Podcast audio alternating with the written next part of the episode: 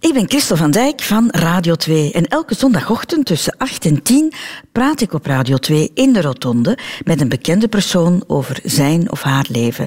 En dit is de podcast van dit gesprek.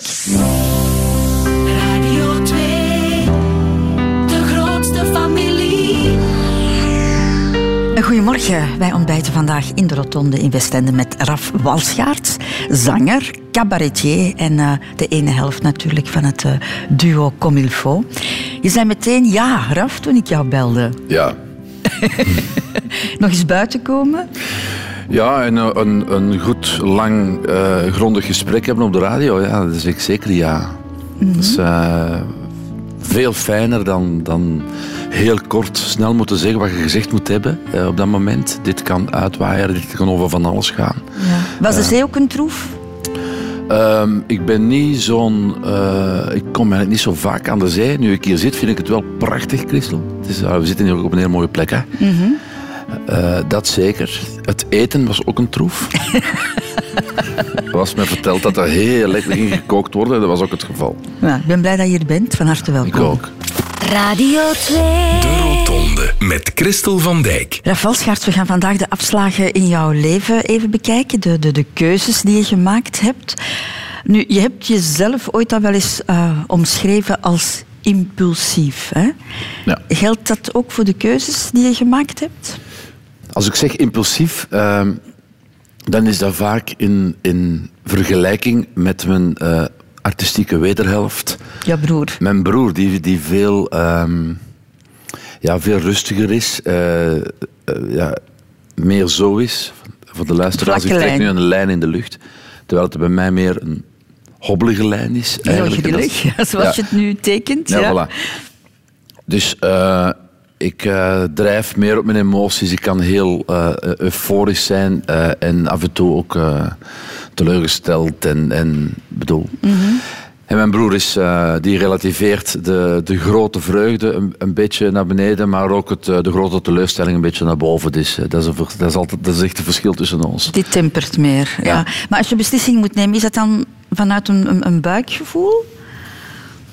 ik kan ook wel nadenken hoor, en met mensen gaan praten en zo. Ik ben zeker niet, ik ben een, een. Ik heb veel aan de mensen rondom mij in mijn leven en daar praat ik eh, regelmatig serieus mee. En wie zijn die mensen? Dat is vooral mijn, eh, mijn, mijn geliefde natuurlijk, hè. maar ook een paar ex-geliefdes, waar ik nog steeds heel dichtbij sta, een paar goede vrienden. eh. een mens kan geen 50 goede vrienden hebben, hè, maar ik heb er wel, eens, wel een stuk of zes eh, waar ik echt eh, heel. Waar ik alles tegen vertel eigenlijk. En, en die, die, ik, die een, een rol spelen in het beslissingsproces van in welke afslag ik dan wel of niet zou nemen. Kan ik zeggen, Raf, dat in al jouw beslissingen van welke aard ook, eh, relaties, professioneel, eh, dat muziek altijd de rode draad was? Ja, muziek is ongelooflijk. Muziek en theater en waar, waar ik, de speeltuin waar ik elke dag in mag gaan spelen. Eh, na het ontbijt, ja, die is, die, is echt fantastisch. Hè. En dat word ik ook nooit of te nooit word ik dat. Ik moest, moest ik geloven dat er een God zou bestaan, ik zou elke morgen op mijn blote knieën eh, even, even merci zeggen dat, ik weer, dat, dat, de, dat de poort van de speeltuin weer open mag. Je bent bekend, Raf, en eh, daarom gezegend met een Wikipedia-pagina natuurlijk, met een boel info erop, zoals dit. Comme il faut is een Vlaams cabaretduo bestaande uit de broers Raf Walschaerts, 2 oktober 1965, en Mich Walschaerts, 10 maart 1969. Enfin, dat gaat dan vooral over jullie eh, Helemaal juist. als, als, als duo. Het is allemaal fijn om te weten, al die info, maar niet genoeg om te achterhalen wie de onbekende eh Raf Walschaerts was. Hè. Hoe het eh, kleine jongetje Raf in het leven stond. Han Koeken heeft daarom jouw Wikipedia-pagina een beetje aangepast. Raf Walschaerts is geboren op 2 oktober 1965 in Deurne. Het was een moeilijke bevalling omdat Raf in stuit lag en hij werd geboren met een klompvoetje, getuigt mama Chris. Dan bij de geboorte eigenlijk met zijn been in de plaster gelegen. Zo'n klein En, en dan zo eh, aan een touwke boven het bed. hè. Maar met goede medische zorgen en de nodige moederliefde kwam Raf er snel bovenop. En eenmaal de moedermelk ontgroeid, zorgde Raf dat hij meer dan voldoende voedingsstoffen binnenkreeg om zijn botten aan te sterken, lacht mama Chris. Altijd heel graag spaghetti gegeten. Frieten. Elke zaterdag frieten. Ja, alles eigenlijk. Raf groeide uit tot een gezonde jongen. Maar papa Jeff had al snel door dat zijn oudste toch een tikkeltje anders was dan het doorsnee kind. Raf was meer een dromer, apart, met niks spelen, veel lezen. Het enige wat Raf interesseerde waren boeken en zijn gitaar, onthult zijn trotse vader Jeff. Hij mocht kiezen ofwel met school op reis te gaan of een gitaar gaan kiezen in Antwerpen. En hij, hij koos toen al als klein ventje voor een gitaar. Die liefde voor muziek was ten huize Walschaarts alom aanwezig, bevestigt spitsbroeder en podiumtrawant Mich. We hebben uren in de auto met cassettes meegezongen van mijn vader. En toen Raf Latijnwetenschappen ging studeren aan het college in Essen, duurde het niet lang vooraleer hij in zijn eerste muziekbandje ging spelen.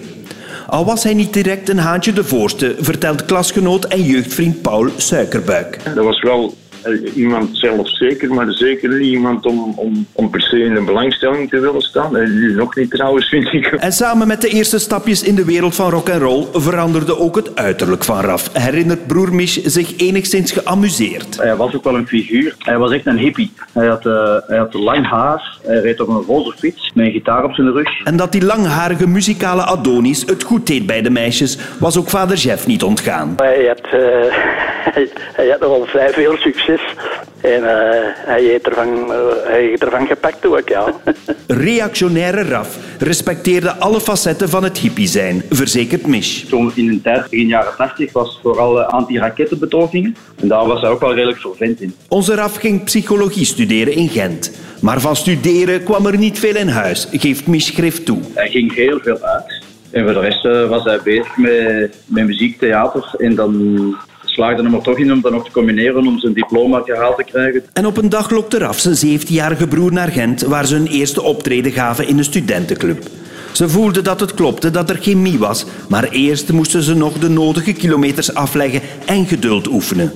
Na vijf jaar zwoegen kaapten ze de eerste prijs weg op het befaamde Kamarettenfestival te Rotterdam. En niet veel later verschenen ze op de radar en in het tv-programma van ene Mark Uiterhoeven. En de rest is history. Herken je jezelf daarin? Maar zo, zo vlot en snel uw leven voorbij zien komen. Alles Eh, klopt. Amai, zeg je al met direct met problemen op de wereld komen. Ja, ja dat, dat, dat heb ik van horen zeggen, hè, Christel. Ja. Eh, maar ik, ben, ik, leg, ik leg in stuitligging en nu zou het een, een keizersnee zijn. Hè, maar toen werd ik gewoon geboren en ik kwam met één voetje uit. Eh, ik, ik vertel dat trouwens in een solovoorstelling ook, dan laat ik de mensen daarmee lachen. Eh, ik kwam met één voetje uit en het andere, andere voetje bleef, vertel ik dan, steken achter de chambrang van ons moeder eigenlijk. Eh, en dat kwam er niet uit en, dat, en de dokter heeft dan wat moeten... eh, dat, is, dat was geen klompvoetje, de dokter heeft dat eh, voetje wat moeten uit zijn naak trekken eigenlijk, om, om, om dat erdoor te krijgen. En dus werd ik geboren en met, dat- met zo'n slap voetje. En lag ik inderdaad de eerste drie weken denk ik, van mijn leven met, met, met mijn beentje aan een koordje in, eh, in, in, in, in een wiegje. En toen, moeder, toen ik 16 was, heeft ons moeder mij dat plasterke gegeven. Eh, en dat kun je niet geloven, dat was, was zo plasterke en dat was van mijn, van mijn voet tot aan mijn knie. Alleen maar dat zie je, dat is belachelijk klein. Eh, ze zei, niet, niet verliezen. Ik zei, nee, zeker niet. Met verloren. Oh, Echt, hè? stommerik. Echt. Dat was in een of andere woeste verhuizing of zo eh, ver- verloren gegaan, spijtig. De Rotonde. Radio 2. Radio 2. Rafal Schaars, het eerste begin is natuurlijk geboren worden. Jij was de eerste van het gezin. Daarna volgde nog jouw broer, Mish, jouw zus Joyce. En er was ook nog een eh, adoptiebroer, Ben. Hoe herinner jij je dat gezin? Zeker als een, eh, een warm eh, gezin en heel betrokken. Met een heel zorgende, ook warme moeder die er altijd was. Dat, dat gevoel heb ik, dat zijn moeder altijd thuis was. Dat was eigenlijk ook zo, denk ik. Ik ging zowel in de lagere school als in, in het middelbaar, eigenlijk vlak in Essen had school, vlak bij me, of redelijk dicht bij mijn huis. Dus ik kwam ook, totdat ik 17 was, altijd 's middags nog thuis eten. Dus dat is ook herinneringen van eh, dat ik toen met ons moeken zat eten. Mijn vader was eh, ook een fantastische vader die heel veel met ons gedaan heeft. Streng wel, streng maar rechtvaardig zal ik zeggen. Eh, met een grote autoriteit. Dus, eh, heeft hem altijd gehad. Is leraar geweest in een technische school. En heeft, ik denk dat hij in 40 jaar lesgeven eigenlijk geen enkele keer kwaad is moeten zijn op die gasten of zo. Die waren altijd braaf. En ik snap dat, want We zijn nu, ik ben nu 55 en mijn broer is 52 en wij zijn, wij zijn er altijd beleefd tegen ons vader. Dat is echt waar. Wat bedoel je daarmee? Ja, dat je niet, ik zou niet zomaar zeggen eh, tegen mijn vader voor te lachen, zo, oh ja, nozelaar. Dat zou ik niet zeggen. Nee, dat gaat niet. Dus, en dat is niet dat, we, dat, dat hij nu nog altijd... Nee, want de rollen zijn nu een beetje omgedraaid. Hij is nu echt... eh, allee, hij is nu echt... Ja, echt ouder aan het worden natuurlijk. Hij is, hij is 81, dus wij zorgen nu meer eh, voor hen dan, dan, dan zij voor ons eigenlijk. Maar ja, dat is zo ingebleven eigenlijk. Dat is, dat is, eh, ja, dat is een, een man die je vanzelf met, met veel respect eh, behandelt. Iedereen eigenlijk. Is dat een van de waarden dan die je meegekregen hebt? Respect? Ik denk het wel, ja. Ik denk het wel. Ik dat heb ik nu nog nooit van mijn eigen gedacht, eh, Christel. Eh, nu spreek ik dat ineens uit, maar ik denk dat wel, ja, dat, dat, dat, ik dat... eh, ik ben dankbaar voor... voor eh, ik zie het als een, als een privilege eigenlijk, zoals ik mijn leven mag en kan leiden. En de wortels die je van thuis hebt meegekregen, hebben die daartoe bijgedragen? Ja, zeker, hè, want eh, wij, wij, wij kregen heel veel vrijheid eigenlijk. Eh, grappig, ik heb het nu... ik wist natuurlijk niet dat je met ons vader en ons moeder ging praten. dus ik, heb, ik, ben, ben een paar dagen geleden nog op bezoek geweest bij hen. We hebben er nog, we hebben het nog over gehad. Dat, wij eigenlijk, dat ik eigenlijk heel snel... Ik was moeilijk te houden als ik... Alleen ik wou uitgaan als ik 15 was en ik was moeilijk thuis te houden. Dus, en ze lieten mij dat eigenlijk wel doen. Eh, ik moest dan wel om 12 uur thuis zijn. eh, maar ik mocht dat ik 15, 16 was echt eh, vrijdag en zaterdag al, al, al uitgaan. Maar een duidelijke afspraak, die ik dan, al, die, die ik dan wel eh, schonde, die, die, die afspraak, omdat ik, heb ik ben altijd overal een beetje te laat. Ik was hier vandaag aan, op, aan het ontbijt ook een half uur te laat eigenlijk. Absoluut, Ja. dat is wel genoteerd. Voor altijd. Dat is, een slecht, dat, dat is een slecht punt van mij. Ik kom altijd een beetje, mijn broer komt altijd een beetje te vroeg overal en ik kom altijd te laat. Eh, en dat was met dat uitgaan ook. Wij kregen veel vrijheid, maar we mochten die niet beschamen. En dat heb ik zo, eh, met een moment wel gedaan. Maar ja, dat is een puberleven. Dat is, eh, dat is het conflict met je ouders. Dat zijn allemaal normale dingen. Ja, je was ook de oudste. Je moest het Ik was de oudste. ook Ik moest- wel, ik- eh, ik moest het pad banen, hè. Maar heeft het ooit tot, tot grote conflicten geleid? Nee, in mijn herinnering niet echt eigenlijk. Wel, wel in, in mijn puberbrein soms wel. Hè. Als ik, als, als ik op, er is een moment geweest bijvoorbeeld dat, dat mijn vader zei... Als je, nu, als je nu geen sorry zegt tegen mij of je me excuses niet aanbiedt, dan gaat het niet uit. En, eh, en dat vertikte ik en dan zat ik een weekend thuis en nog een weekend thuis en nog een weekend thuis. En dan Koppig. koppig. En dan toch excuses aangeboden, voor- terwijl ik vond dat ik toch gelijk had. En dat zie, ik vertel dat nu en dat zie dat ik dan toch onthouden heb. Hè. Hè, want hoe oud was ik toen? Dan zal ik 16 geweest zijn of zo. Dat is, dat is 40 jaar geleden bijna. En dat heb ik toch onthouden, zo'n dingen. Maar dat zijn geen grote... dat, is, dat, is, dat is vrij harmonieus eh, verlopen eigenlijk. Ja, en met de mantel der liefde bedekt waarschijnlijk. hè. Dat Ja, soort dingen moet, moet kunnen hè, in, Ja, in, gezin. zeker nu, hè. Nu, nu, nu, nu mijn ouders eigenlijk oud zijn, is, eh, is een heel, dit, dit vind ik een heel zachte periode eigenlijk. Met, het- met ons gezin. Mijn, mijn, mijn zus en mijn broer en ik zijn, zijn ook dichter bij elkaar gekomen omdat mijn ouders een beetje zorg beginnen eh, vragen. En zij zijn ook ja, helemaal eh, relaxed, zal ik niet zeggen, want ze worstelen wel met, met, eh, met, met wat ziektes en met, met ouder worden. maar we zijn als gezin, vind, vind ik, bijna nog nooit zo dicht bij elkaar geweest dan, dan nu zij 80 zijn. Gek is dat, hè?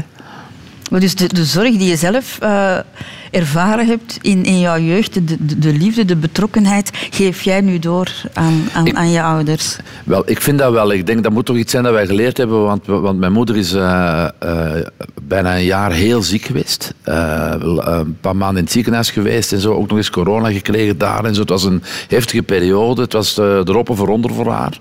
En dan zie je toch die, dat hele gezin helemaal gemobiliseerd. Dan, ja, dan, we waren, of één van ons drie was elke dag uh, bij ons vader. Uh, om hem niet alleen te laten zitten. Uh, we mochten niet op bezoek gaan bij ons moeder, want er mocht geen bezoek komen. Dat was, in, dat was nu in ap april en mei, dus vorig jaar. Maar dat is iets dat, dat, dat, dat mij zeker opgevallen is, hoe, hoe, hoe dat, dat gezin van vroeger uh, terug gemobiliseerd was en terug uh, ongelooflijk uh, zijn functie vervulde eigenlijk. En ik denk inderdaad dat, dat, dat, dat, we dat vroeger geleerd hebben. Hè. Zullen we het eens over jouw schoolperiode hebben, uh, Rafael? Jouw vader was leraar. Hè? Hoe belangrijk waren de schoolresultaten bij jou thuis? Goh, de- ik was wel een goede leerling. Dus in de lagere school was, was ik zo een bestdoener en een beetje een streverke zo. En zo altijd zo bij de eerste van de klas. En alles moest altijd in orde zijn. Eh, en in het eerste en tweede middelbaar, ik deed Latijn-wetenschappen, was het ook super. goede punten. En dan ontdekte ik plots het eh, andere geslacht. En begon, begonnen de dingen te veranderen. En eh dan heb ik toch wel redelijk, zwaar, eh, redelijk heftig gepubert. Op een bepaald moment, als, als ik zo 16, 17 was, kwam ik soms thuis met 55% en met een buis daar en zo. En dan, ja, en, dan krijg je wel de klassieke discussies. eh dan, dan, mocht, dan mocht natuurlijk niet, dat moest beter. En dan was dat de volgende keer een beetje beter. Het, het beeld van de rebel dat je nu ophangt, Raf, kan ik zo een beetje moeilijk rijmen met hoe jouw vader jou daarnet beschreef als een dromer. Waarom noem je het woord rebel? Omdat, ik- omdat ik zei dat het een beetje een moeilijke puberteit was ja, in de school. puberteit. ja, ja. En, en, en dan dat uitgaan, het, het feit dat Ja, ze jou ja, niet, nee, niet, niet, niet konden thuishouden. Terwijl jouw vader jou daarnet beschreef als een, een dromer die alleen maar met boeken en, en, Ja. en met, met zijn muziek bezig was. Ja. Wel, ik heb, ik heb dat nooit zelf beseft, maar dat zei mijn moeder en vader. Zeiden, eh, zeggen dat nu nog. Ik had dus geen speelgoed als kind. Mijn broer had van alles. Hij had, hij had een indianenpak, had een indianentent, en had een voetbal, en had een skateboard, en die had echt van alles. En ik had dat allemaal niet. Ik had, voordat ik kon lezen, alleen een bal. En vanaf ik kon lezen, al- al- alleen maar een, eh, boeken. En dus vanaf, toen ik twaalf was of zo, kreeg ik mijn eerste gitaar. En ik, ik zie mijzelf nu nog heel erg als een, als een soort monomens eigenlijk. Ik, ik, ik doe niet graag veel verschillende dingen in mijn leven. En ik ben ook geen speler. Dus ik denk, mijn, mijn pa is een heel technische man. Hij heeft lesgegeven altijd op een technische school. Eh, ik ken, kan draaien, frezen. eh die, ik ken al die machines. Hij is daar ook door gefascineerd. Ja, en dat lag heel ver van, van mijn wereld. Op dat vlak vonden wij elkaar. Allee, zag die in zijn oudste zoon. eh, Ene met twee Ja, linkerhanden met twee linkerhanden ja, daar komt het echt op neer. Maar Ja. ik, nu snap ik bij. Mijn moeder schrijft zelf eh, eh, heel mooie gedichten. En dat is op latere leeftijd beginnen doen. En ik, ik zal dat van haar hebben meer, denk ik. Eh, ik ben inderdaad in de zin dat ik... Mijn, ik denk dat mijn een droom bedoelt, mijn vader die, die kon drie uur op een gitaar zitten tokkelen en af en toe eens een zinnetje opschrijven op een papier. En, en vanuit zijn wereld is dat, denk ik, een, een, Een dromer. Een dromer. Ja. Waarom koos je eigenlijk na dat middelbaar voor die universitaire richting, voor die psychologie? Want je was toen eigenlijk al heel veel bezig met muziek. Hè? Vanaf het derde middelbaar ben jij begonnen met een groepje. Ja, een heel tof groepje met, met een paar vrienden. Dat heette Flirt. Dat groepje. En dat, dat traden wij in, in de cafés in, in Essen en Kalmthout. eh, traden wij regelmatig op en zo. Eh, dat, was eigenlijk, dat was eigenlijk een beetje eerste leerschool. Maar had je niet het idee van daar ligt mijn toekomst? Nee, het is ongelooflijk. Hè? Ik ben beginnen studeren omdat, ik niet het, omdat het geen ene keer in mijn hoofd opgekomen is dat, dat, ik- dat, ik- dat, ik het le- dat ik het professionele leven zou kunnen leiden wat ik nu leid. Ik heb er niet aan gedacht. Gek. Ik, ik, wi- ik, ik wist eh, ik, het, het bestaan van Studio Herman Teiling bijvoorbeeld, eh, waar dat je zoiets zou kunnen studeren, muziek en theater en kleinkunst en al de dingen waar ik toen toch al passioneel mee bezig was, kwam niet in mij op. Was dat nu omdat ik op een, op, een, op een college zat, op een Latijnse, waar de meesten eh TEW gingen doen, of, of, of, of Germaansen of Romaansen. Ja, ik wou filosofie doen, dat weet ik nog. Omdat, ik, omdat we één uurtje in de week Griekse cultuur kregen in het vijfde of zesde middelbaar. En dat vond ik het interessantste van heel mijn, eh, van, van mijn humaniora. Eh, omdat het over Plato en, so en Socrates ging. En dat vond ik, daar was ik wel door geboeid. Dus ik dacht, ik ga filosofie doen. En dan moesten we allemaal een gesprek doen bij het, eh, het PMS. Dat heet nu anders, hè? CLB. CLB, voilà. Je hebt Ik zeker. heb kinderen. En die zeiden, ja, eh, filosofie is nu wel heel abstract en gaat heel moeilijk werk vinden, maar ik zou u aanraden om psychologie te doen. Eh, dat daar, daar, daar kun je ook een filosofische kant in vinden. En dan, oké. Dan deed je dat maar, Ja, ja. je bent 17 en je moet beslissen wat je gaat doen. Dat is toch dat is voor een stuk triviaal. Als je het mocht eh, herdoen, eh, Raf, zou je dan opnieuw die vijf jaar psychologie doen? Goeie vraag, Christel. Ik denk, moest ik, eh, moest ik vier of vijf jaar Studio Herman Teiling gedaan hebben, of het conservatorium, of toneel, of, eh, dan zou Comifo misschien Comifo wel niet geweest zijn. Want wij zijn bij uitstek eh, plantrekkers, hè, mijn broer en ik, op een podium. Ondertussen wel hele goede plantrekkers. Ik ben daar niet bescheiden in. Wij, wij, kunnen ongelooflijk goed onze plant trekken, maar dat blijft heel erg ja, natte vingerwerk. Hè. Dus die vijf jaar hebben jou wel iets, iets opgebracht. Ik ben blij dat ik vijf jaar op de NIF heb kunnen zitten. Dat heeft mij wel veranderd. Ja. Eh, Je, je, je bent wel, wel je bent bezig met, met, met, ja, met abstractie, met abstract denken. Zeker ook als je psychologie. Dat was ook de, de kant die mij interesseerde. Eh, ook, ook daar, de praktische kant van de experimenten doen en zo, interesseerde me minder. Dus ik ben echt geen, geen praktische mens. Eh, maar ik heb daar wel mijn papa kunnen koelen door, door veel te lezen en, en, en interessante mensen tegen te komen, interessante proffen te hebben. Eh, Ja, ik heb er zeker geen spijt van. Maar ik ben, dat, ik ben vanaf, vanaf het moment dat ik afgestudeerd was, eh, ben, ja, zijn we met Comifo uh, vol een bak begonnen. Hè. Dus ik heb, nooit, ik heb nooit iets gedaan met mijn diploma of zo.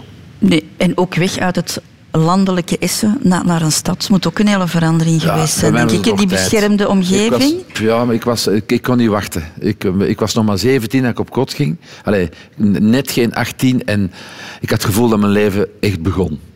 Eh, ik was zo iemand dat, eh, dat echt genoeg, dat was echt genoeg geweest. eh Essen en de middelbare school en ook, ik, ik wou ook uit het gezin, ik wou alleen wonen en bij mij deed dat ongelooflijk deugd. Mijn wereld ging open en dat was, dat was in mijn herinnering een heel gelukkige periode in mijn leven eigenlijk, dat studeren. Radio 2. We hebben het al even over eh, het podium gehad, eh Ralf Valschaert. De keuze voor dat podium. Het begon in het middelbaar onderwijs, in een groepje. Maar op een bepaald ogenblik beslis jij en je broer om als duo te gaan optreden. Als comme il faut. Hè? Ja. Hoe serieus was dat plan toen? Voor mij of voor mijn broer? Want dat is een groot verschil. Zullen we bij jou beginnen? Hè? Ja. Jij zit hier voor me. Ja, voor mij was dat eh, direct eh, ongelooflijk eh, serieus. De- we, we deden een, een optreden in jeugdhuis De Zolder op, op Niemoer. Dat is een klein boerengeheugdje in Kalmthout. Ehm, met zelf geschreven materiaal, dat duurde 20 minuutjes. Dat was een combinatie van, van tekst, een paar grappen en een paar zelfgeschreven liedjes. Eigenlijk hetgeen dat we nu nog altijd doen, deden we doen voor de eerste keer al. Pu- dat was, puur toeval. Ik weet ook niet waar dat, dat juist vandaan kwam. Want het zou logischer geweest zijn om gewoon wat liedjes te spelen. Nee, maar daar was, het, daar was een verhaal bij, er was een, een, een verkleedpartij bij, er was... eh, eh, en ik, we deden dat en we kregen er eigenlijk goede reacties op van onze, van onze maten in het jeugdhuis. En ik dacht, ik zei tegen onze mis, als we dit nu twee keer per week kunnen doen in alle jeugdhuizen van Vlaanderen en we krijgen er altijd een, beetje geld voor, dan kunnen we ervan leven, een maat. Dat klinkt, dat klinkt zo schoon, dat klinkt zo Ja. idealistisch. Ah, wel, hè? dat was ook heel naïef, maar dat was vanaf, En naïef, ja, dat is ook dat moment was dat, mijn, was dat. En toen, toen ik zat toen, ik zal toen eh 21 geweest zijn en hij 17 ongeveer. Dus Dat is ik wel zat- jong, hè? Ja, ik zat toen in mijn derde of mijn vierde jaar psychologie. Hè. Mijn ouders, eh, we, die, we hebben er één serieus gesprek over gehad. ehm, dat we dat wilden doen eigenlijk. En, en dat was op dat moment vooral ik die, die echt de, de motor was. Om, ik heb geen seconde getwijfeld van die een, van, vanaf dat eerste optreden dat ik dat elke dag van mijn leven wou doen. En dat is nooit veranderd. Dat is nog altijd zo. Onze Mich, die weet dat nog maar... Allee, we zijn nu 35 jaar carrière. Ik denk dat hem dat ongeveer een jaar of acht weet nu dat hij dit wil doen. Dat, is totaal, dat is bij hem totaal anders. Maar, maar mijn vader toen, om terug te komen op dat gesprek, en mijn vader en moeder, eh, die, die schrokken even dat we dat gingen doen.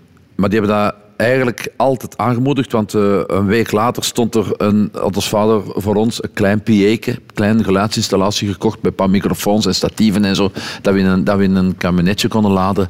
Eh, dat, dat, dat bekostigde hij. Amai, en, tof. Ja, dus eh, de- de- ze hebben daar altijd Dat ongelooflijk achter ja. gestaan.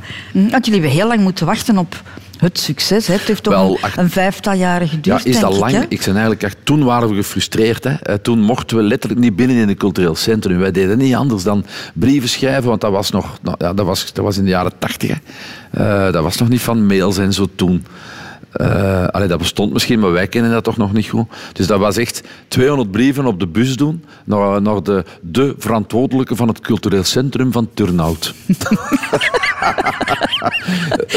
200 brieven en nul optredens. Maar ja, dat deden wij allemaal wel. Wij wilden dat per se. Ik herinner me nog dat we, wij organiseerden dan zelf optredens in heel kleine theatertjes. Daar gingen wij, daar gingen wij spelen in Hasselt. Huurden, huurden we daar, misschien voor, voor, voor 500 frank was dat toen nog. Dat, dat theatertje, dat reden we de week er- ervoor naar Hasselt. Hingen we allemaal affiches van Comifo. Staken we flyertjes tussen de eh, autowissers van Dotto's rond dat theatertje. En dan reden we daar en dan zat er acht man en dan waren wij content. En dan speelden wij voor acht man in Hasselt en we deden dat in Brugge. Er zat ene man en er was dan nog één die dat kende, van op skivakantie. En hebben we gevraagd, wilde, wilde dat we spelen? Nu, voor mij moet het hij. Dus we hebben niet gespeeld. Dus ja, wij waren echt zeer gedreven. Hè. Dat Eh, moet wel. Ja, ongelooflijk. Als je dat bekijkt, ongelooflijk. Maar dat was een geloopt ook tegen de ene teleurstelling eh, naar de ander op. Maar er zijn ook fantastische momenten. Alsof voor die acht man, als die zeggen, dat was tof man, we hebben echt genoten. Oké, dan eh, let's go. Hè. Heb je soms een gevoel van revanche eh, ten opzichte van al die mensen die jullie geweigerd hebben? Nee, Christel, Nee? echt niet. Want ik vind nu, als ik achter, toen, dat was ik aan het vertellen, hè, toen waren we gefrustreerd. Kom aan, laat ons in de grote zalen spelen. Laat ons, eh, Maar ik ben blij dat dat niet mocht toen, achteraf bekeken. Eh, wij zijn, je, je moet echt, je hebt echt wel vijf jaar nodig om, om, om tussen aanhalingstekens niet goed te zijn. Hè? Dat is echt waar. Ik, onze eerste voorstelling, eh, dat was eigenlijk onze vierde voorstelling die we maakten, was Plank. En, en, en dat was...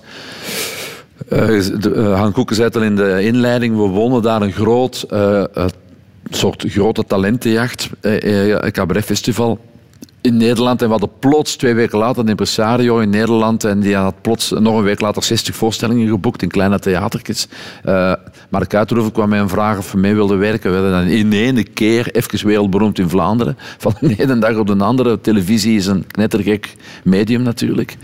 Eh, dat kwam allemaal samen na die zes jaar. Zo. Dus eh, vanaf, eigenlijk vanaf dat moment eh, heb ik geen, geen tijd meer gehad in mijn leven om iets anders te doen. En mijn broer ook niet. Hè. Dus ik ben blij dat, dat, even, dat we even kunnen rijpen hebben in de cafés en jeugdclubs en zo. Daar ben ik blij om. Jullie hebben ook jaren niks verdiend. Hè? Dat zou ook een reden kunnen zijn om, om het op te geven.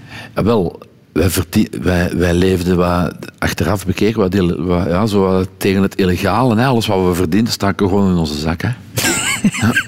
Ja, dat was Maar zwart. de, de Belastingdienst luistert niet mee naar Radio 2, veronderstel ik. Maar ja, wij hadden gewoon geen statuut op dat moment. Hè. We- we- ik, ik weet nog dat we in het begin, helemaal in het begin, 3000 frank ehm, toen. Hoeveel euro? 75 euro is dat nu. Eh, dat vroegen we voor een optreden. En dat was dan eh, eh, een, een lief van een van ons twee deed een techniek. Maar dat was gewoon met om twee knopjes draaien, licht aan en licht uit. En we hadden zelf ons microfoons bij, alles bij en zo. En dan, dan 3000 frank, 500 voor haar. En eh, 1250 voor mij en 1250 voor Mich. En dan vi- vier dagen toekomen en dan weer spelen. En zo was dat, hè. met niks in orde. Want om, om artiest te zijn en helemaal in orde te zijn, moet je, moet potverdikke veel verdienen. Hè? Als je zelfstandig wilt zijn en zo, dan moet, je echt, eh, dan moet je eigenlijk echt veel over hebben om, de, om, om, om je wettelijk statuut te kunnen betalen. Hè? Daar komt het een beetje op neer. Hè? Dat is pas gekomen toen we een jaar of zeven, acht bezig waren of zo. Zijn we alle twee, eh, hebben, is een BVBA opgericht en zo, en dan zijn we vertrokken. Heb je soms nog een nostalgisch heimwee na die periode? De, de eerste tien jaar, nee, de eerste vijf jaar hebben we, moesten, was het zoeken naar optredens, maar vanaf die, die doorbraak, de tien jaar die toen volgden, speelden we letterlijk eh, acht, eh, acht avonden op, op, op, op een week van zeven dagen, eh bij wijze van spreken. Dus dan deden we meer dan 200 optredens per jaar.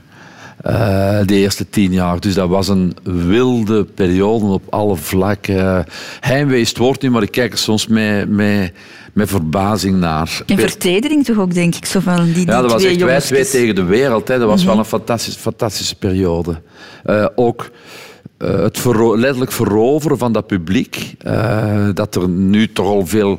Ja, nu is dat allemaal gestandaardiseerd bijna. Nu kom je in een zaal, eh, mensen zijn blij dat je opkomt. Je krijgt al een applaus dat je opwandelt.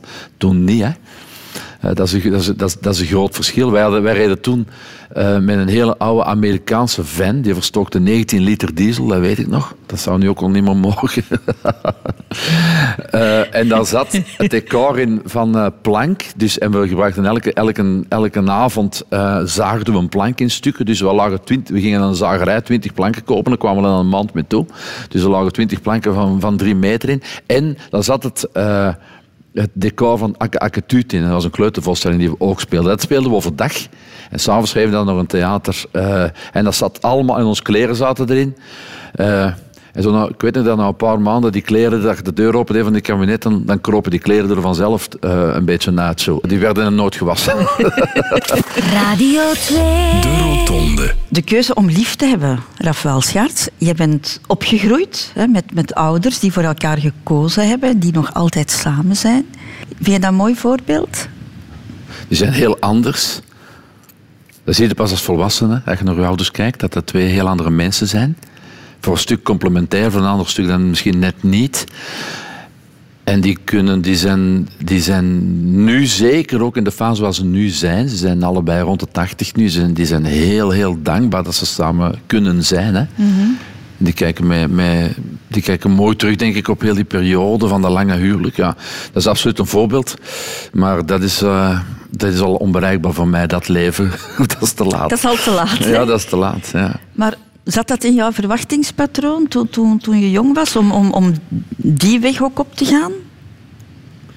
Wa- ik, eh, in, in de inleiding kwam er al een beetje. ik, was, ik was jong in de jaren zeventig, echt. eh, als, toen, toen ik puberde en opgroeide, dus ik was inderdaad een hippie. eh, met, met, die, met de denkbeelden erbij. Hè. Ik was eigenlijk. ja, ik was eigenlijk een, een gastje dat.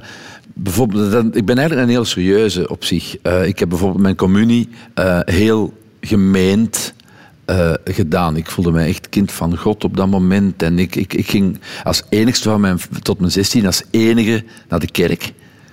Op Tot mijn je eentje. 16, ja. Echt gemeend. Ik, deed, allee, ik, ik, ik was zeer gelovig. Maar ik ben dan, en dat is de andere kant van dezelfde medaille, echt met een enorme knal van mijn geloof gevallen. Eh, en en, en, en een, een engagement opgebouwd van net ja, anti-klericaal en, en, en ook het huwelijk zou zeker niet trouwen. En, allee, ik ben, zo ben ik in het volwassen leven gestapt eigenlijk vanuit, die, vanuit een soort... Ja, eh, vanuit dat soort vrije idealen eigenlijk. Eh, wat was ik nu aan het zeggen, Christel? Dat je eigenlijk een heel serieus iemand was. Ja. Hè? We gaan nu even terug naar het pad van, Ja, ja, ja, sorry. Ik, van de liefde, terug. want je begon met Ja, de liefde. Ah, wel, Ja. ah, wel, ja, in de liefde waren we bezig. Hè. Ah, wel. En ehm, ik heb redelijk wat relaties gehad, eigenlijk van, van toen ik 18 was. Eh, ongeveer vijf à zes jaar eh, met, al, altijd dan met, met een... eh, een geliefde geweest, een grote geliefde. Want ik heb, ik heb al die vrouwen waar ik, eh, die ik, ik heb die echt allemaal heel graag gezien. Dus om te vragen, zag je dat bij jezelf ook? Gelijk bij jou? Ja, ik zag dat elke keer opnieuw.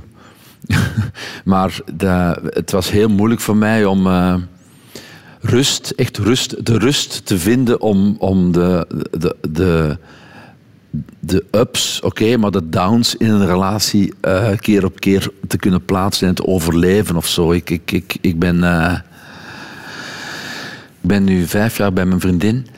En na het, beetje het, eh, het, het breken van de vorige relatie had ik, toen was ik ja, wel ja, rond de 50, dacht ik, had ik me eigenlijk een beetje neergelegd bij het feit, oké, dit ben ik in de liefde.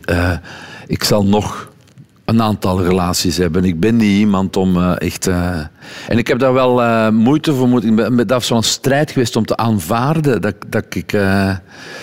geen mens voor, de, voor, voor, voor, voor een, een levenslange relatie of zo ben, zeg ik nu. Maar ben nu, ben- ik ben nu weer vijf jaar in een relatie. Ik moet zeggen dat ik me wel heel erg goed voel nu. En ik voel nu iets dat ik nog... Hoe, hoe graag dat ik, dat ik die andere vrouw ook gezien heb. Eh, ik kom nu thuis op een manier eh, bij Katrien dat ik eigenlijk nog niet kende. Eh, dus wie weet... Wie weet nu wel, ik, ik, ik, ik, ik, hoop het. Jullie wonen ook niet samen, hè? Jullie We zijn samen. niet, we wonen niet samen. Is dat ook een bewuste, een bewuste keuze? Ja, dat hangt ergens ook wel altijd in de lucht, maar het heeft ook met praktische dingen te maken. Ze heeft, ze heeft drie dochters die wonen, vlak, die wonen in het centrum Gent, vlak bij de school waar ze zitten. Eh, ik heb een, eigenlijk een, een heel tof huis uh, op de buiten, uh, op een hele rustige plek. Enfin, het heeft te maken met, met, met, pragmatische overwegingen, maar ik zou wel kunnen samenwonen, denk ik. Nee, want zoals je het nu vertelt, lijkt het mij voor jou misschien wel, wel, wel fijn om, om die eigen plek te hebben. Ja, om, uh... wel, ja, ik denk dat het... Ja, het, het, ik, ik woon al... De, de, vorige relatie woonde ik ook niet samen. dus ik, dat is al toch al een jaar of tien dat ik alleen woon of zo. En op zich bevalt me dat wel goed, hoor. Ik ben, ik ben regelmatig bij haar en de kinderen. Zij zijn regelmatig bij mij. Uh, maar ik ben ook soms twee, drie dagen echt, echt alleen. En soms echt alleen, dat ik niemand niet zie.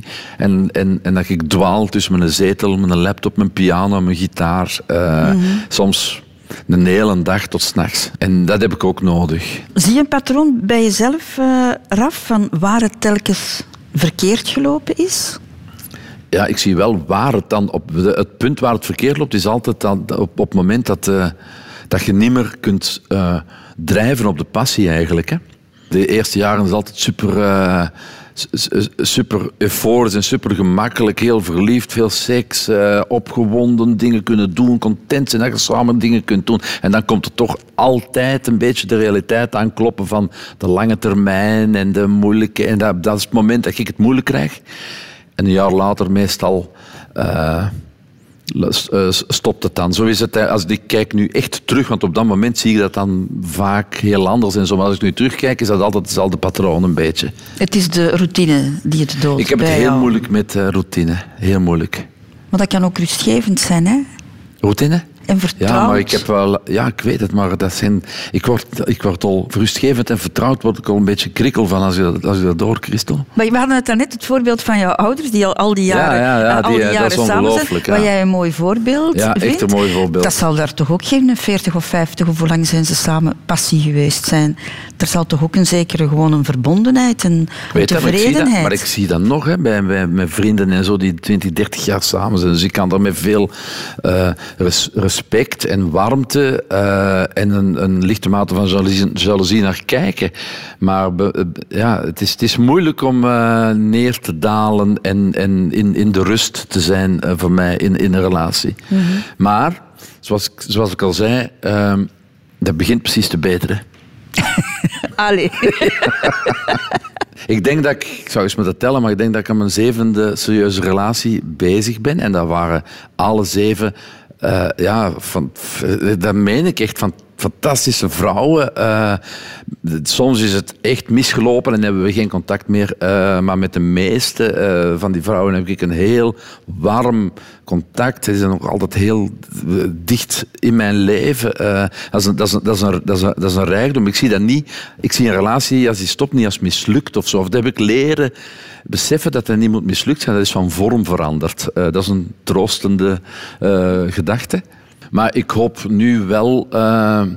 ik, met mijn, mijn huidige vriendin, met Katrien, vind, vind, vind ik en de rust en de vertrouwdheid en, en de passie.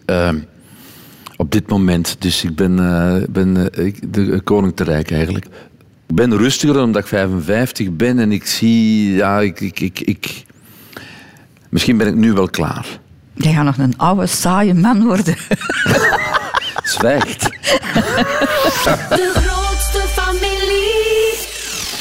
Radio 2. Je hebt geen kinderen, Rafael Schaarts. Is dat een keuze? Nee, eigenlijk niet. Want ik heb wel eh, kinderen gewild toen ik rond de 30 was. Eh, met, toen, toen was ik samen met Caroline en toen eh, hadden wij wel een kinderwens. En dat bleek heel moeilijk te lukken. En hebben we ook, ook, ook met haar een heel parcours van eh, inseminatie en IVF, een heel medisch parcours doorlopen. En dat is uiteindelijk niet gelukt. Eh, en dan was ik, eh, was het, nee, is het er gewoon niet meer van gekomen eigenlijk. Er is ook niet, niet, niet in, in de volgende relaties niet echt de stabiliteit geweest om daar dan echt aan te beginnen of zo.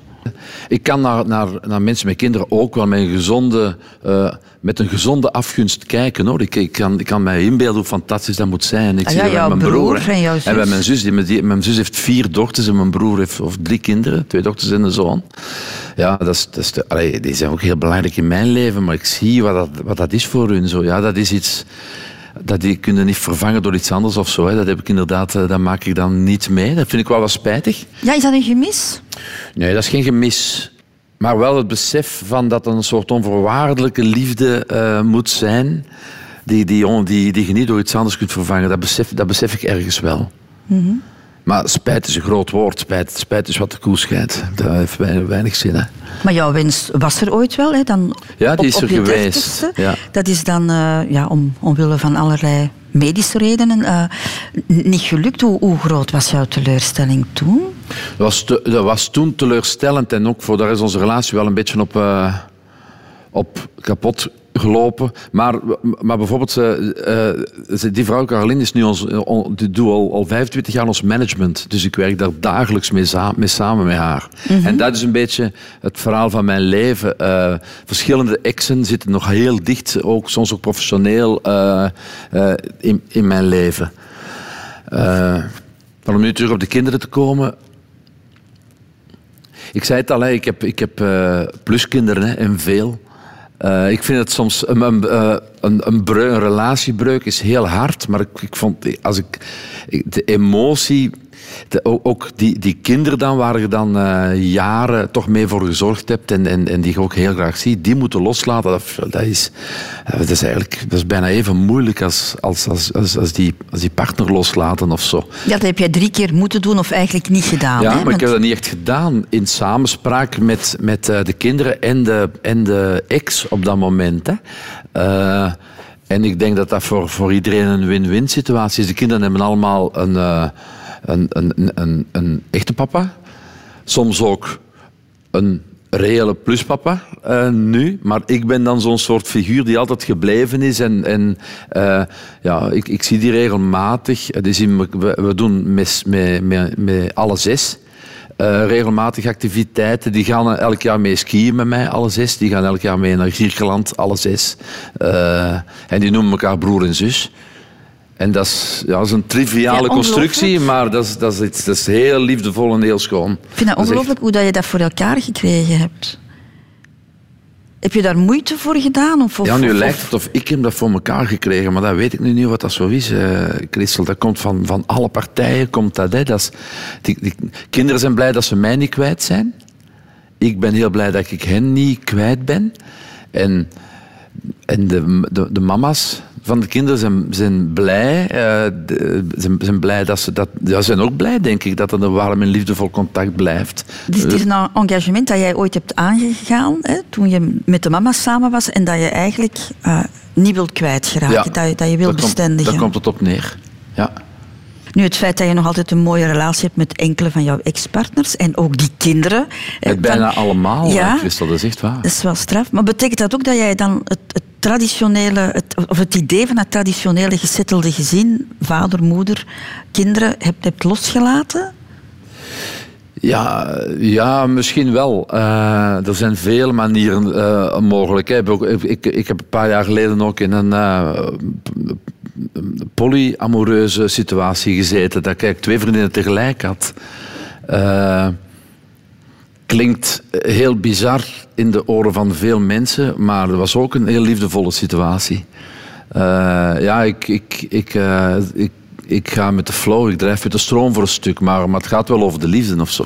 Maar niet een afgebakende liefde. Jij, jij, jij ziet het breder. Die ex-vrouwen zijn er nog, die, die, die kinderen Ja. zijn er nog. Dus het, eh, het begrip liefde kan veel ruimer, zonder- eh, ruimer bekeken worden. En, een familie kan misschien, zo begrijp ik het toch in wat jij vertelt, een familie kan ook ruimer zijn dan een traditionele plaatje. Zeg ik het goed zo? Begrijp je wat ik bedoel? Eh, ja. Ja, want je moet weten dat die, die, die, al die zes pluskinderen, die, gaan, die zijn met kerstmis mee op het familiefeest. Die komen met mij mee bij, bij, bij het feest van ons vaders moeder met de walschaartsen. Eh, ik bedoel, die, dat is een- die, die familie wordt... Ik heb geen kinderen, maar ik breng zes kinderen mee. en op een bepaald moment ook twee vrouwen. en ons vaders moeder die zijn 80 en die, eh, die vinden dat allemaal goed. Ja. Ja, maar ja, ik bed- bedoel, dat, ik, ik praat daarover en ik ga dat eerst, eerst even uitleggen en zo maar wonder, wonder boven wonder schuiven die daar eh, allemaal eh, liefdevol in mee. Je mag me gerust verbeteren, Raf Walschaert, maar ik heb het gevoel dat gulzigheid heel erg aanwezig is in jouw leven en op verschillende vlakken, emotioneel bijvoorbeeld ook. Hè. We hebben het daarnet over de liefde gehad. Jij bent zeer intens Ja. in jouw liefdesleven, in jouw liefdesgevoelens. Ja, en ik kan heel moeilijk die intensiteit eh, missen ook. Dat is, het, dat is, het, dat, dat is heel het, het punt eigenlijk. Hè. Maar je hebt dat met alles, denk ik. Hè? Ook heb dat met alles. professioneel. Ik ben te- eh, professioneel wel heel stabiel eigenlijk. Christel, dat is het gekke. Hè. Eh, Mich en ik werken al 35 jaar heel intens samen. Hè. Aan, een, aan één artistiek project. Het, het, het, het mooie van Comifo is dat je al die jaren op diezelfde nagel kunt blijven kloppen en dat je dat dan ook stilletjes aan in die nagel worden heel goed in, hè, om daarop te kloppen. Daar ben ik dan wel heel, heel stabiel in, eh, vind ik zelf. Stabiel, maar ook, denk ik, enfin, voor zover ik jou ken, heel begeesterd en ook moeilijk een pauzeknop kunnen in, Ah, indrukken. niet. Altijd Ja, maar nee, je niet doorgaan. geloven. Nou, ja, inderdaad. Nu, nu, nu is de pauzeknop al een jaar ingedrukt.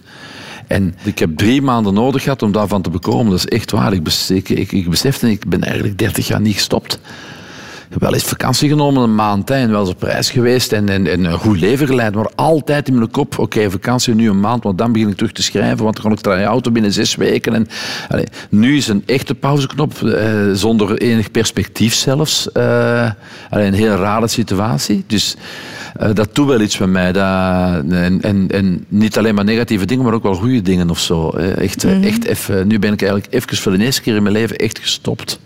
Want ik was ook inderdaad eh, een gezonde eh, workaholic, denk ik. Allee, ik noem dat een gezonde, omdat ik, daar, omdat ik heb nooit eh, een burn-out gehad of nooit... eh, die- die- ik, geniet van, heel, van, van, van, van alles bezig te zijn. En ik heb ook de mogelijkheid om, om binnen die speeltuin die wij opgebouwd hebben van alles te doen. Te schrijven, te regisseren, te spelen, muziek te spelen. Ja, dus, ik kan, ik, ik, daar, daar ga ik niet bij. Daar ben ik inderdaad gulzig in. Maar de grens tussen gulzig zijn en tomeloosheid is bij jou, denk ik, ook nogal subtiel, hè? Of niet zo groot, hè? Er is iets, ik weet niet. eh maar ja, ik, ik, het, het gaat over de, de, de, de simpele dingen ook. Hè. Een mens moet, moet eten elke dag, maar moet, niet, moet, moet ook niet te veel eten, want dan, dat is ongezond en dan wordt het dik van. De mens mag alcohol drinken om zich te ontspannen, maar niet te veel, anders worden verslaafd. Mens kan sigaretten roken, maar twee pakjes en een half per dag niet aan te raden. Ja, dat, zijn allemaal, dat ben ik, hè. Ja. Dus- Geen grenzen. Geen grenzen. Dus geen grenzen, dus heel strikte grenzen nu. Dat is, dat is, de, para- dat is de paradox van de grenzen. Hè. Ik, ik drink geen druppel alcohol meer, al twaalf jaar niet. Ik ben gestopt met roken. Eh, en ja, eten probeer ik ook onder controle te houden. Was dat moeilijk? Om die grenzen af te bakenen? Ja, als, als eh, me- mensen zeggen, zeggen stop met drinken, 12 jaar, respect, wauw. Dan denk ik altijd bij mijn eigen, ja, eh, ik vind matig drinken veel, veel, veel, veel knapper dan, dan zuipen eigenlijk. En dan, en dan echt een blok op moeten, leggen, op, op moeten leggen en dan niks meer drinken eigenlijk. Ik vind, dat, dat, dat- ik, ik vind mensen die matig kunnen drinken, eh, daar heb ik meer respect voor dan voor mijn eigen eigenlijk. Maar ik, heb, ik was eh, goed op weg, of ik was een, al, al- al- alcoholieker eigenlijk. Hè. Eh, en dus heb ik op een moment eh, gevoeld... nee, dit is niet wat ik in mijn, in mijn leven wil doen. Ik wil, alcohol is- heeft een te grote plek in mijn leven, dus oké, gedaan ermee. En dat kan ik dan ook wel in één keer. Heb je dat zelf beseft of waren er anderen die voor jou... Dat was mijn toenmalige vriendin, Katrien Verfaye, die, die nu ook al bekend aan het worden is als pianiste. En als eh, zangeres in het West-Vlaams. Maakte eh, trouwens heel mooie muziek. Zij was dat die zei eh, in het begin van onze relatie... Miljard, je kunt wel drinken. En dan zei ik, maar nee, va, dat is niet waar. Nee, nee, ja, dat komt allemaal goed. Maar dat was iemand die zich vastbeet en die, eh, die bleef erover bezig. En eh, die heeft daar een grote, grote invloed in, in, in gehad eigenlijk. Dat ik eh, zo toch gegroeid ben naar, ja, ik moet toch eens denken van... Ik zal drie maanden stoppen. En, allee, maar ik ben nu al twaalf jaar gestopt en ik denk niet dat ik terug ga beginnen ook. Ik- Ik voel me wel supergoed, altijd, altijd nuchter. Maar je bent wel iemand die vatbaar is dan voor verslaving. hè? Verschrikkelijk. Ja. Ik ben daar niet alleen in. Hè. Er zijn heel veel mensen hè, die worstelen met, met, met drank en met, met, met van alles. Mhm. Heb je ooit eens nagegaan hoe dat komt? Ik ben wel van overtuigd dat dat een psychologische reden heeft. Dat er ergens een soort, soort gat te vullen is of zo. Hè. Dat is te, dat is maar dat leidt ons te ver, denk ik. Ik, ben ook, ik ga dat ook niet te, voor mezelf ook niet helemaal uitpluizen of zo. Dat weet ik niet. Maar ik denk, ik voel wel dat dat iets is. Hè. Ik heb dat. En, en mijn broer en mijn zus hebben dat niet. Of veel minder. Dus waar zit dat verschil? Ja, dat is iets, dat is iets, dat is iets psychologisch, denk ik. Mhm. Maar je hebt het onder controle en dat is goed Ik heb het onder controle, nou ja. Mhm. ja. Heb, je dat, heb je dat ook met je mentaal welbevinden, Raf? Dat je dat rustig grijs daar heel, heel weinig in voorkomt? Dat er daar ook uitersten in zijn? Ah, dat is dan weer het voordeel, Christel, van ouder te worden. Ik voel, ik voel echt dat, dat is echt een groot verschil. Ik zou ook niet terug 30 willen zijn of zo. Eh, toen was dat zeker en vast. eh, van, dat was ongelooflijk met pieken en dalen. Hè? Nu ben ik veel, veel, veel rustiger. En ik geniet ook van de rust en zo. Ik kan, eh, ja. Ik ben nu, veel rustiger nu op mijn 55ste in ieder geval dan toen ik 30 was. Ik vind ouder worden eh, niet alleen maar... Allee, ik vind het ook positieve kanten. Ik ben gelukkiger dan toen ik 20 was. Gelukkiger toen ik 30 was. Ik word steeds... Ik, ik, ik kan het geluk beter omarmen eh, met elke dag dat, ik- dat, dat ik ouder word eigenlijk. Amai, Dat gevoel. Waar gaat dat eindigen, man? Dat gaat eindigen in het opstijgen ten hemel. Dit is Radio 2. Doodgaan moeten we allemaal, Rafal Schaarts. Maar jij mag daar vandaag al een beetje op oefenen. Hè? Oei, oei. Je bent er 55, dus... Ja, er is al meer geweest dan dat er zal komen, hè? Hoogstwaarschijnlijk wel.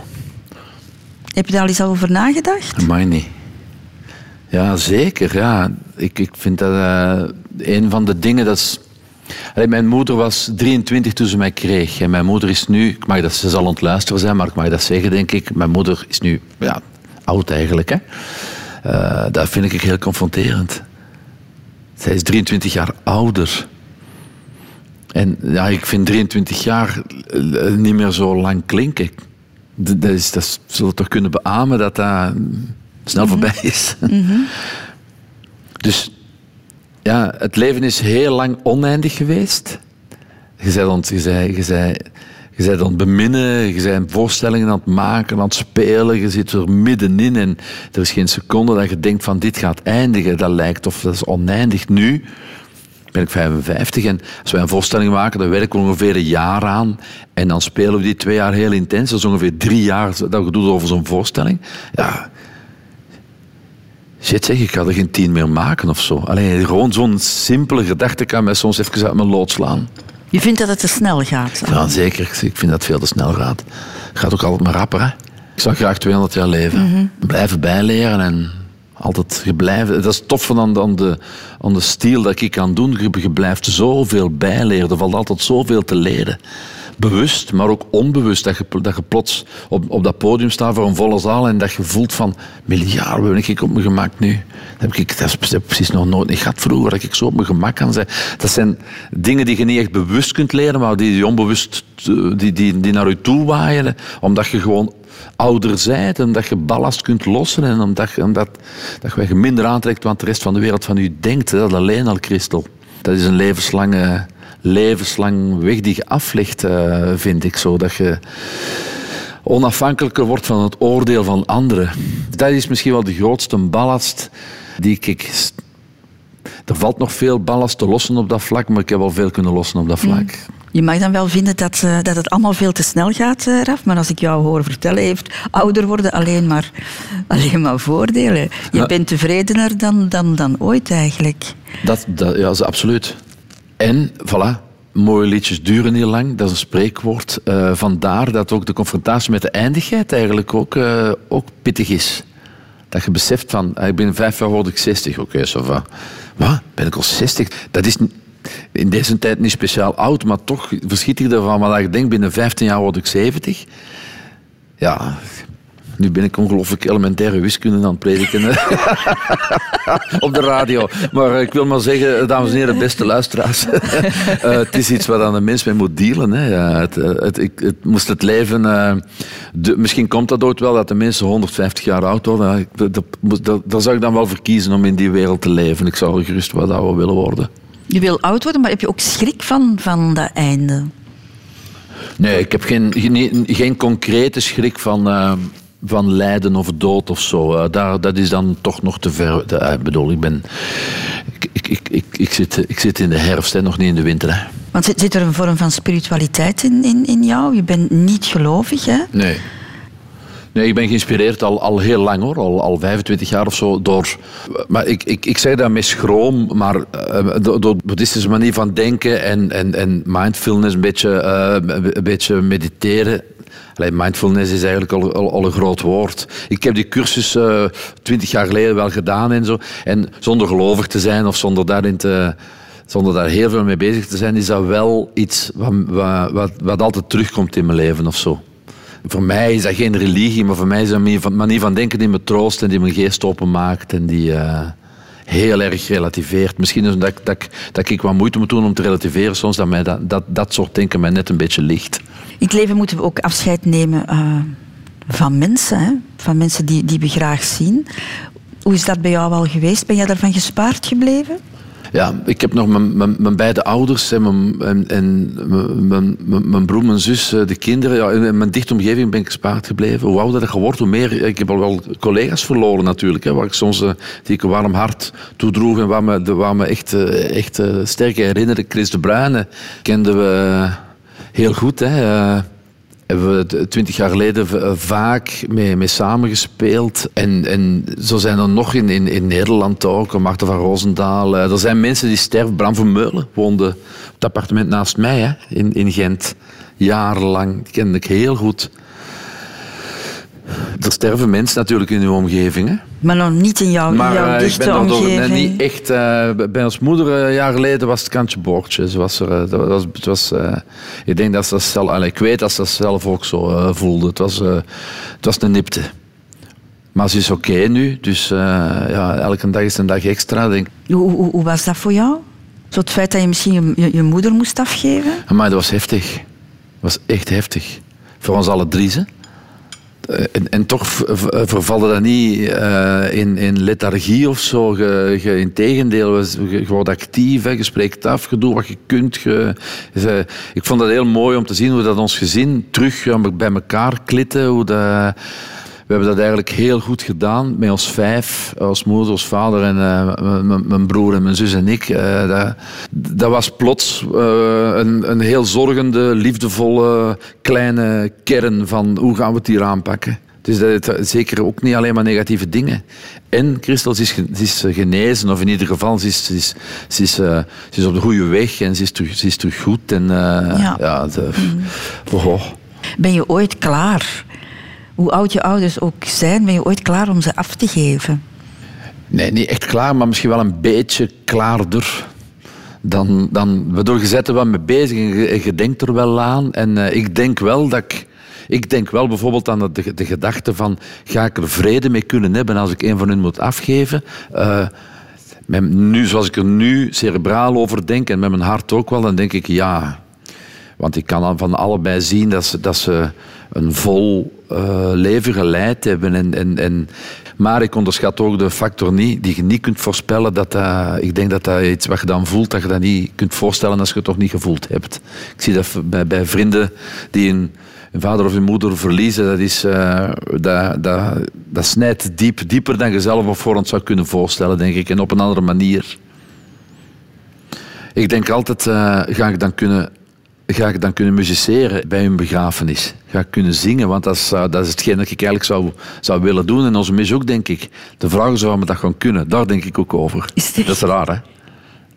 Ja, dat is echt waar. Ik denk dat ik dat niet ga kunnen.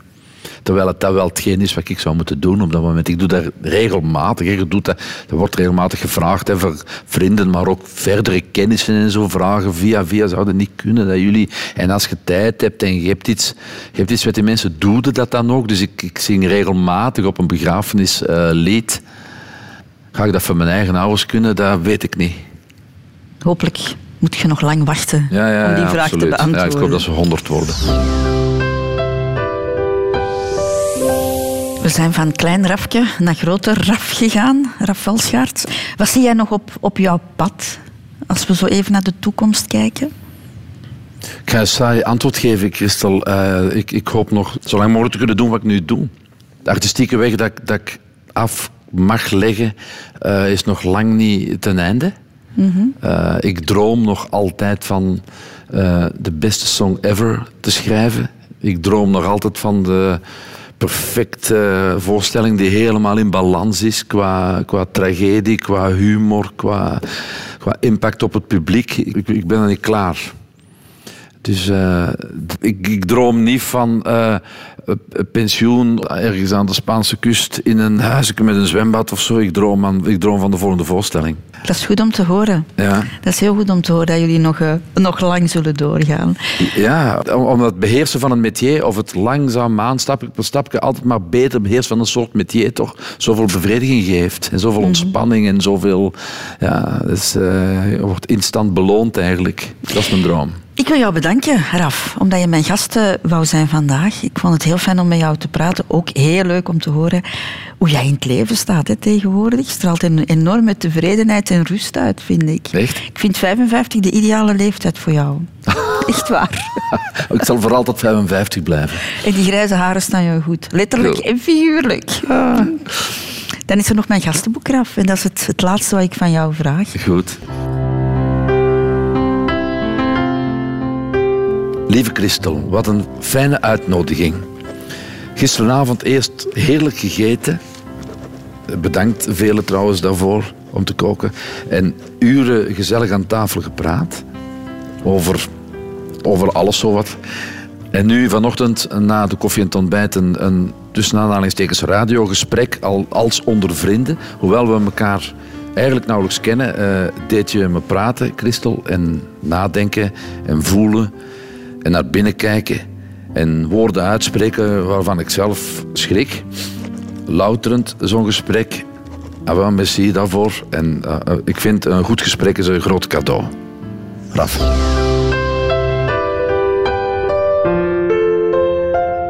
Radio 2. Heb je genoten van dit gesprek? Wel, beluister dan zeker ook de andere afleveringen van de Rotonde. En nog meer podcasts van Radio 2? Ook de rechtvaardige rechters vind je in je podcast-app.